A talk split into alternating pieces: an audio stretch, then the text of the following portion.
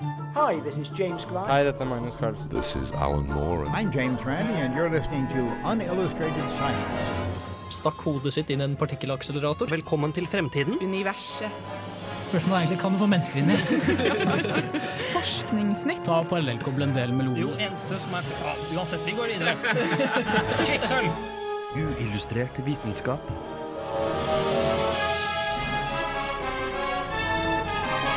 Science, it works, bitches. I denne ukas sending av Uillustrert vitenskap skal vi se nærmere på måling og observasjoner. Vi skal snakke om klokker, kalendere og tidsreiser, og i tillegg får du endelig høre hvem Endre er. Ja, hallo, hallo, hallo, og hjertelig velkommen. Jeg er da deres programleder i dag, og mitt navn er Andreas Haugland. Med meg i dag har jeg Martin. Hallo, hallo. Og så har jeg Andreas. Hei, hei. Ikke den tredje Andreas, ikke og Håkon heller, men vi har med oss eh, Endre i dag. Hallo. Hei, Endre. Det, var, det er første gangen våre lyttere får høre stemmen din. Eh, ja, det er vel kanskje det. Det er vel kanskje det. Ja. Endre har jo da vært med oss eh, veldig veldig lenge. Kan du fortelle litt hva du pleier å gjøre på?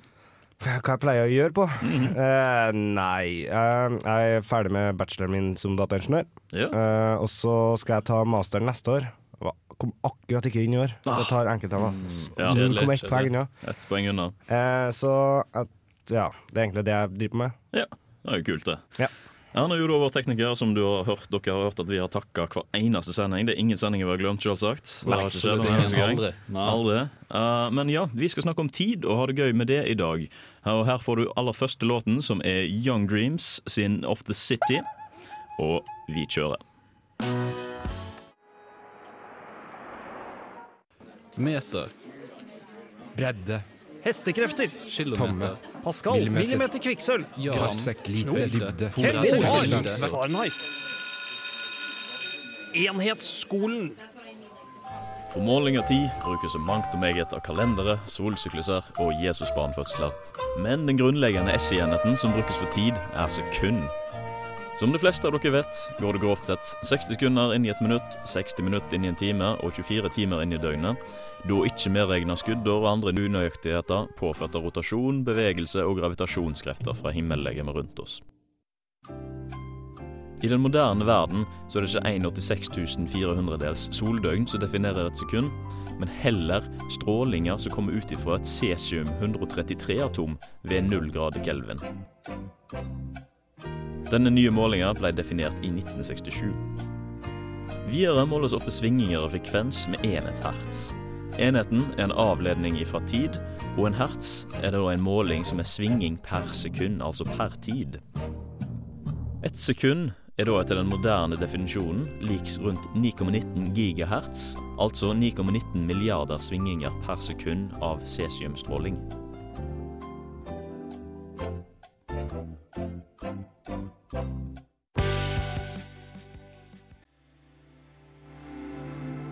Hi, this is James Grime from Numberphile, and this is Unillustrated Science. Tida vår fungerer ikke helt på samme måte som vi tror. Og hvert døgn er ikke 24 timer langt. Ikke akkurat 24 timer, i hvert fall. For at vi skal få et lite innblikk i hvordan alt sammen fungerer, så er vi nødt til å ta en titt på jorda og hvordan rotasjonen vår fungerer i forhold til sola. Vi vet jo alle at vi spinner rundt vår egen akse, som vi teller som en dag, og at vi samtidig roterer rundt sola, som vi teller som et år.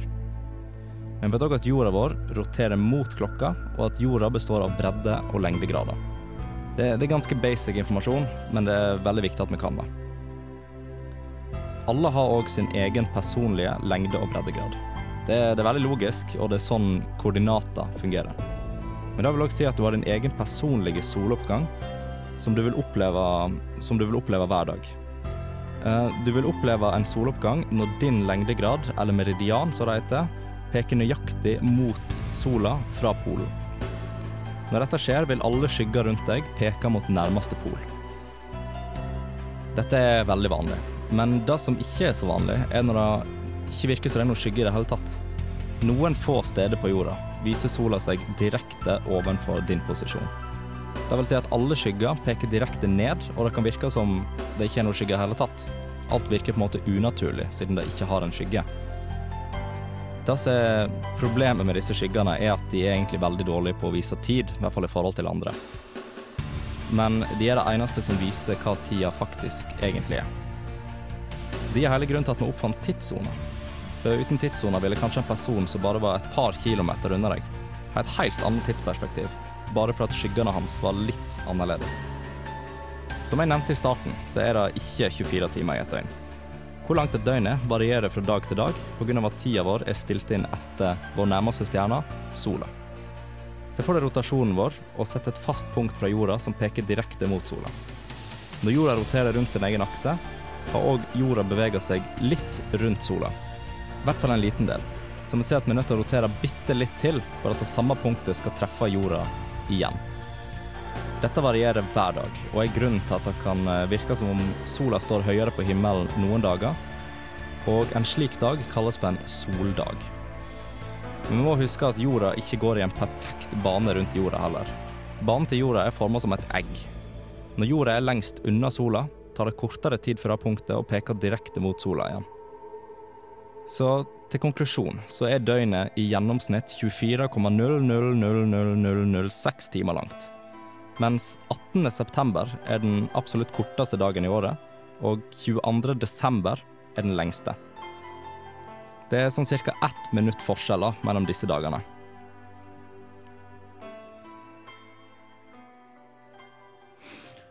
Ja, det er jo veldig interessant akkurat dette her, da. Eh, det er jo kanskje litt, litt viktig å påpeke det at eh, det er ikke Polen som i Midt-Europa-landet som skal peke mot sola, men faktisk da polene. Ja, det stemmer. Ja, det stemmer. Ja, eh, altså Men det jeg tenkte jeg skulle nevne også litt, er jo hvordan dette har påvirka kalenderne opp gjennom årene. Ja. For at var det 43 før Kristus, tror jeg, så lagde Julius Cæsar den julianske kalender. Mm. For at han fant ut da at året er ca. et kvart, en kvart dag lenger hvert år. Det var han som fant det ut. Ja, det er astro, astro, astronomene fant det ut. da. Du kan Ja. fant det ut personlig. Ja, Men det som skjedde da, var at han la til det som jeg i dag kjenner som et skuddår. ja akkurat Så det. han eh, la til en dag hvert fjerde år, slik at de skulle matche til sammen. Problemet var at det er egentlig ikke en hel kvart dag. Det er 365 dager, komma 24, 21. Så det er ikke en helt kvart dag, da. Ja, Så av og til så må du legge til litt ekstra, da? Ja. Ja. Altså, må- måten, eh, altså det som skjedde da, er at på ca. 1500 år så hadde de små tallene bygd seg opp til hele ti dager. Hvordan, hvordan fiksa de det, da? Um, de fiksa det på den måten at i fem, uh, 1582 så var det pave Gregor den 13. Så fant ut at han ville ha påsken samtidig som påsken var før. Altså, Nå ble jo påsken flytta ti dager frem, og det, det ble jo tull. Da likte jo ikke han. Nei, nei, nei. Så i september i 1582 så fjerna han elleve dager ifra, um, ifra måneden september. Bare for, å, bare for at ting skulle um, ja, funke igjen. Bare for at det skulle gå opp, rett og slett. Ja, rett og slett for at det skulle gå opp. Uh, og måt, han oppfant jo òg det som heter den gregorianske kalender. Det er den kalenderen som vi bruker i dag. Uh, med at han la til noe som heter en form for tidsalgoritme, som gjør at hvert 400. år så fjerner de tre skuddår. For at de skal liksom kompensere for de, det lille tallet som mangler Ja, um, på en kvart dag, liksom. 0,0021 ekstra. Ja, stemmer.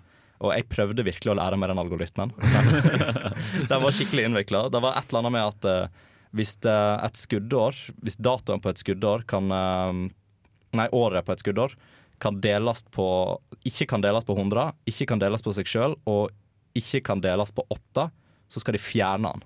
Så det vil si at hvert 400 år så fjerner de da tre skuddår. OK. Eh, ja. Ja, så da, er det tolv år da, uten skuddår, rett og slett. ja. Ja. Så da, da, da merker man jo ikke noe særlig i dag, for det er jo Det er Mer enn en, le mer enn en eh, levealder for ja, vanlige mennesker. enn, enn så lenge, i hvert fall. Ja. Så ja, det er jo egentlig det med kalenderen. Mm. Det kan jo også nevnes at ganske nylig så var det faktisk lagt inn Jeg husker ikke om det var skuddminutt eller skuddtime. Jeg så faktisk en artikkel, jeg så en artikkel på det. da på, okay. Det var i 2005, vel å merke. da Ja, For jeg skulle google og sjekke det opp før denne saken. her ja det var I 2005 så var det lagt inn eh, litt grann ekstra for å kompensere for eh, litt grann feil. da OK. Det var ikke, var ikke at de la til ett sekund en gang? Mm. Jeg tror det var snakk det. Det, det var enda nyligere, tror jeg. Ja. Stemmer. Mm, for de må, Eh, de fordi må, Det var vel atomklokkene som Ja, ikke, ikke var helt nøyaktige. De som da er på en måte det vi anser som helt nøyaktige klokker. da stemme. Ja, det er jo denne Deep Space Atomic Clock, er vel den heter. Den som ligger på en egen satellitt i verdensrommet. Ja, Ja. stemmer. Det stemmer. Uh, vi skal videre i sendinga. Nå har du fått høre litt grann om kalendere og jordas rotasjoner. Og i tillegg så var vi innom og snakket om uh, tid som SI-enhet og frekvens. Uh, videre skal vi da snakke om tidspersepsjon, men aller først kommer da eh, første låt, eh, som er Bon Iver sin 22 Over Soon. I'm James Randi, and you're listening to Unillustrated Science.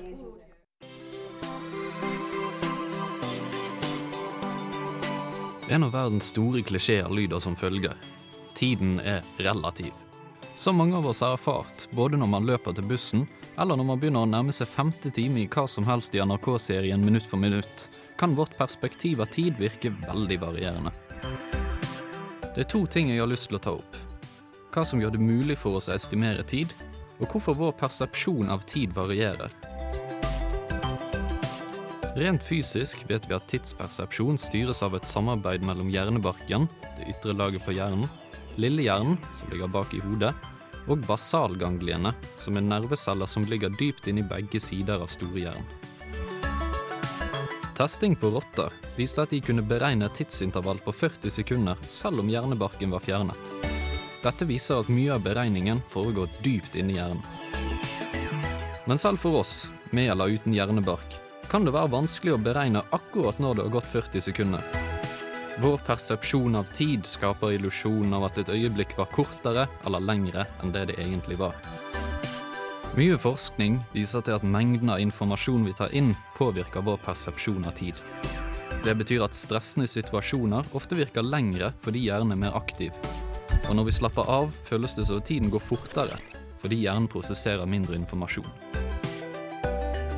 Så om du synes dette innslaget var relativt kort eller relativt langt, om du vil ha relativt mer eller relativt mindre, så er det egentlig bare det. Relativt.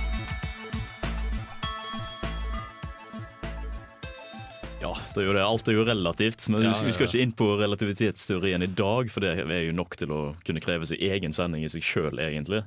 Men ja, eh, jeg er i hvert fall relativt fornøyd, da, for å si det sånn. Ja, det, det er godt å høre. Det er godt å høre. Yes. Ja, uh, altså, hvordan finner en ut dette her? Altså, hvordan finner en ut for eksempel hvor gammelt et minne er? Vel, vi er ikke helt sikre, men eh, jeg fant et par teorier av eh, William J. Friedman.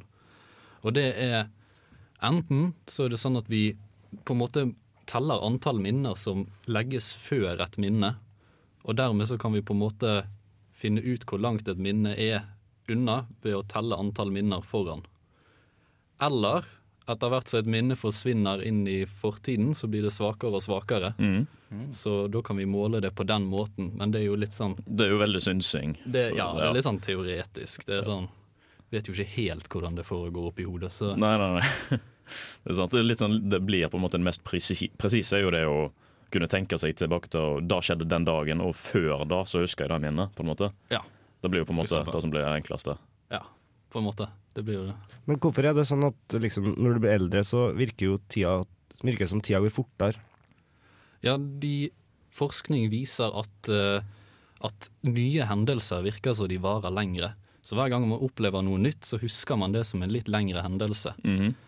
Og etter hvert som man blir eldre, så får man, skal vi si, mindre nye hendelser. Det Ah. blir mer rutine, så da føles det som om tiden går fortere når man tenker tilbake. Det er også det at det kan, det kan også være fordi at eh, etter hvert som man blir eldre, så blir ett år en mye mindre del av livet.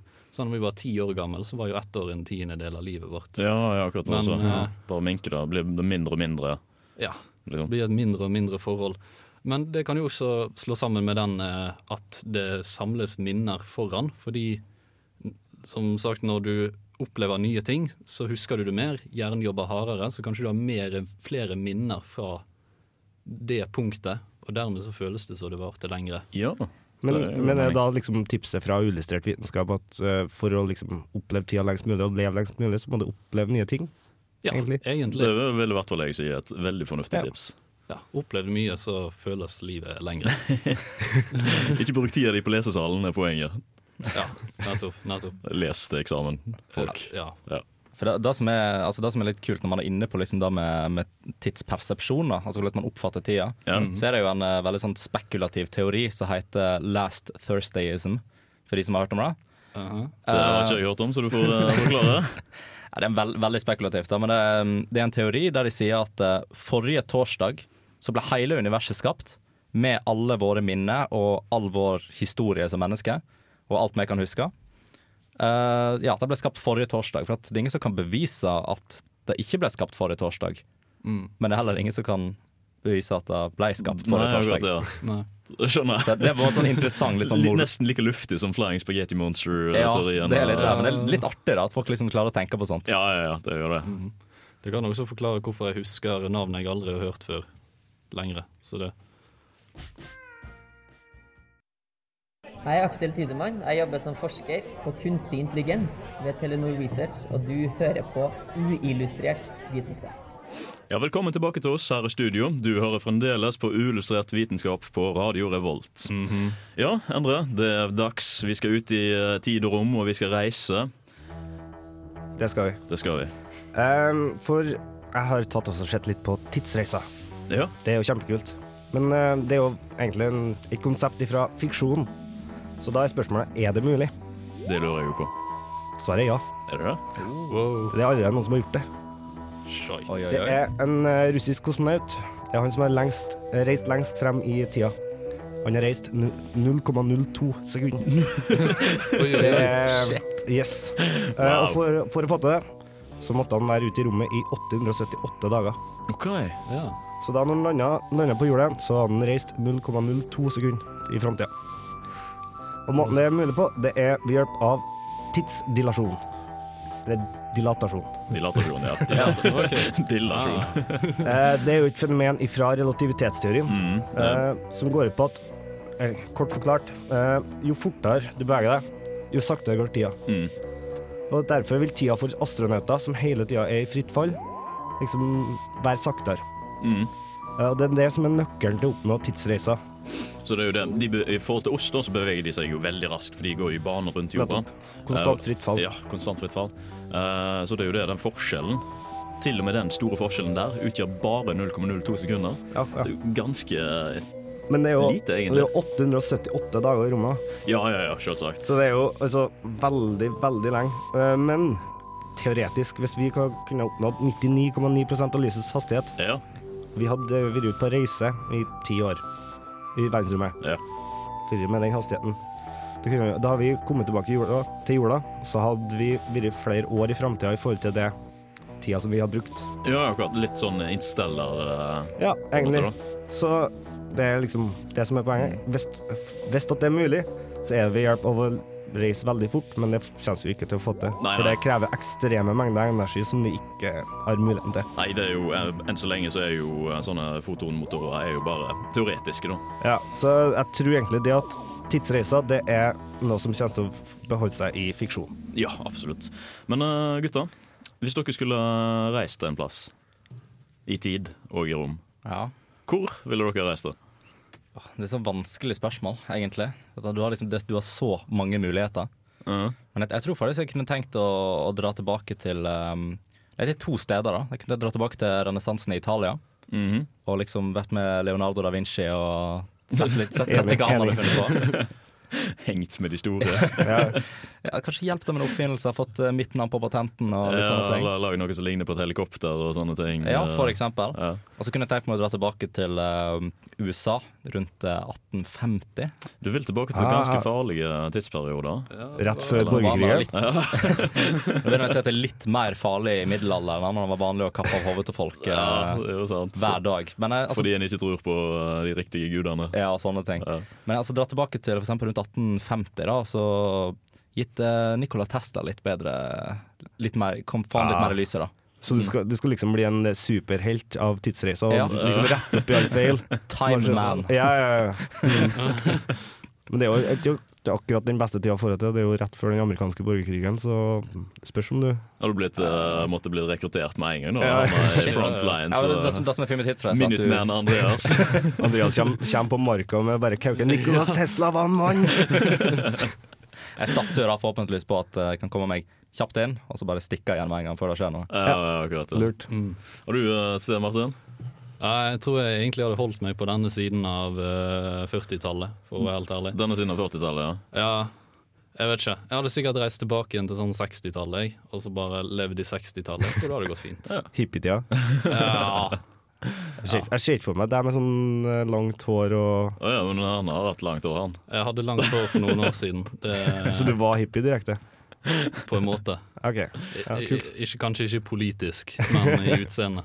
Ja. Ingen av dere som ville reist fram i tid, da?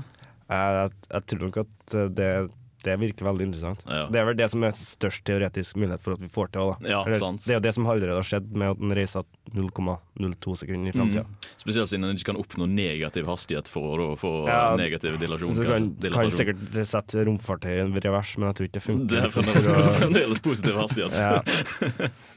Men nei, vi skal videre i sendinga, vi. For vi skal da uh, snakke om uh, kortsklokker ganske snart. Uh, aller først kommer da 'Dyrene' av Silja Sol. Tyngdekraften. Å ja! Han har jeg hørt om. Galileo Galilei. Det er jo for godt til å være sant. Lars Monsen. Dette setter jeg pris på, ass. Tycho Brahe. Mm. Ah. krass fysikk.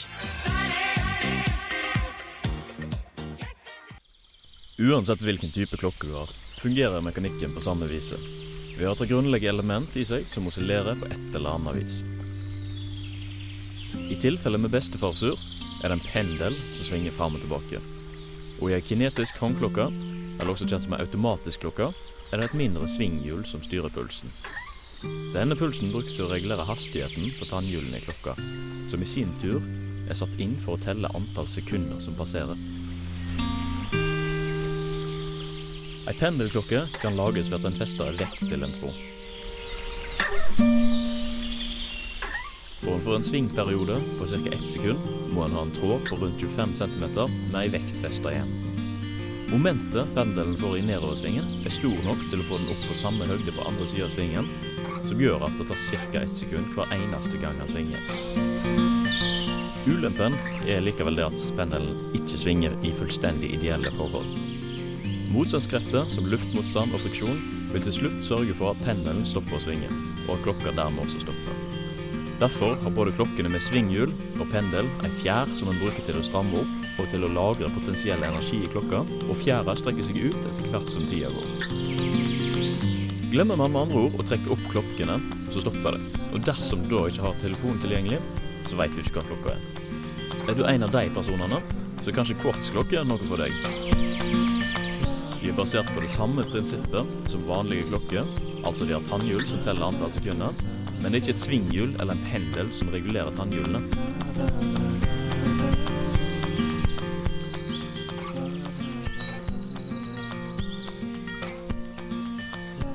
Pisoelektriske objekter har den egenskapen at dersom du presser de sammen, så genereres det en liten elektrisk strøm, og det samme gjelder for motsatte tilfeller.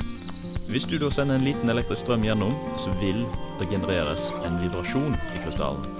Og denne frekvensen er gitt.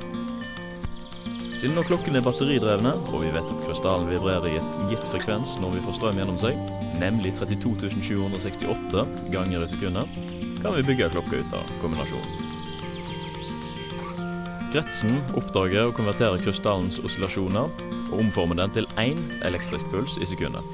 Denne pulsen driver da en elektrisk motor som omformer den elektriske energien til mekanisk kraft som drir og vrir på tannhjulene. Tannhjulene teller fremdeles sekunder, minutter og timer som skulle gå, og du veit hva klokka er. Ja, tid er jo noe som vi alltid må vite hva er, dessverre, i eh, den moderne verdenen. Og det er jo da eh, veldig fint å ha forskjellige typer klokker, eh, og ikke minst ei klokke som passer for alle. da. Er du aktiv og bruker klokka hele tida, så er det jo null problem for deg å bruke ei kinetisk klokke. Men det er sånn Den stopper jo. Det er jo fullstendig drevet av mekanisk, mekaniske komponenter og tyngdekraft og alt mulig sånt. Så det er jo ja, kanskje noe annet som passer for deg hvis du da ikke er en person som trekker opp klokka di. da. Men hva, hva som passer Eller hva som er mest presist? Det mest presise er faktisk eh, av de ikke, Hvis du ser vekk fra atomklokker og sånne ting, så, det, Ja, eh, så er jo det mest presise ei kvartsklokke. De kan være så presise som uh, opptil ca. fem sekunder feil i måneden. Mens det er vanlig uh, kinetisk klokke, da, sånn som jeg har, den, det, da er den god hvis det er sånn fem sekunder om dagen. Uh, hvis du bruker Ja. den, da. Så det er, det er gans- veldig stor forskjell egentlig på det. Eh, men altså, ingen av disse klokkene her er jo det sånn der, Ingen av de er perfekte. Altså, men hva, hva er liksom den store ulempa med de? Det er nettopp det. Det er ikke så veldig mange store ulemper med det. Oh. Uh, altså Litt, grann, selvsagt. Det er sånn minimale. Hvis du ser på den kinetiske, altså den uh, automatiske, da, den som bare drives av tyngdekraft. eh, Så er jo ulempen det at eh, den er påvirka av tyngdekraft. Så da hvis du er på et høyere punkt, altså høyt oppe på fjellet, så er det ofte lavere tyngdekrefter, så det kan det hende at den går litt seinere. Eller hvis du er nærme havet, så er det da andre Ja, krefter som påvirker. Uh, I tillegg så er det jo da ting som temperatur påvirker jo den òg, og mm. metallutvidelse. For du har et spinnhjul som da uh, trekker opp, eller som måler hvor mange klikk og sekund tannhjulet skal gå. Okay. Så hvis den er større eller den er mindre, så kan det hende det går litt raskere. Så ikke ta med i saunaen, med andre ord. Nei, uh, det er jo det. De, jo være, de fleste er jo vant til dette òg, da. Siden det er rent mekanisk eh, prinsipp i det. Eh, Så har du de nei, kvartsklokkene, da. Som er, eh, har en krystall som er pisoelektrisk. Mm. De er ikke påvirka av tyngdekraft. Ok. For det er fullstendig elektrisk drevet motor. Det er en motor da som får dette her eh, tannhjulet til å tikke og gå hver gang. For som jeg nevnte, da, så er det en kvartskrystall som er et pisoelektrisk komponent. Det betyr at hvis du sender en strøm gjennom det, så vibrerer den. Krystallen vibrerer, og denne vibrasjonen måler en krets. Og den kretsen sender da ut én elektrisk puls til en motor hvert sekund. Så den motoren da får tannhjulet til å klikke hvert sekund. Kult. Mm, da var, hva var det, 3200 og Nei, tre- 3000 something. Uh, skal vi se 3200 32 768 ganger i sekundet okay. vibrerer en kvartskrystall sånn cirka. Ja.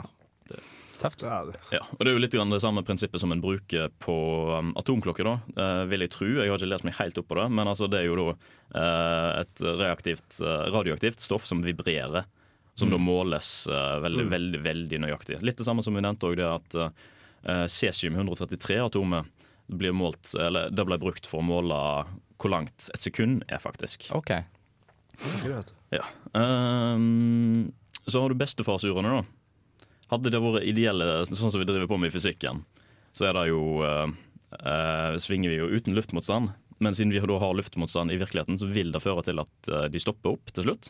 Og Derfor har vi fjære som vi trekker opp for å tilføre ekstra potensiell energi. Sånn at når fjæra slakkes ut, da, så tilfører den litt ekstra dytt til pendelen.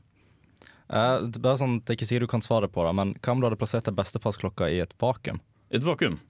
Uh, er det tyngdekraft i vakuumet, så fungerer den. Ja, OK. Ja, ok, ja, selvfølgelig. Fordi det er jo kun moment ned opp som driver pendelen. Ja. Og hvis du da hadde hatt vakuum, så hadde du jo ikke hatt luftmotstand, så det hadde kun vært motstandskrefter mellom der som pendelen er festa, til uh, som ville fått han til å stoppe. Så det hadde egentlig vært bedre å hatt han i et vakuum, da? Ja, det ville Ja. det. Kult. Uh, vi skal straks runde av eh, denne sendinga her.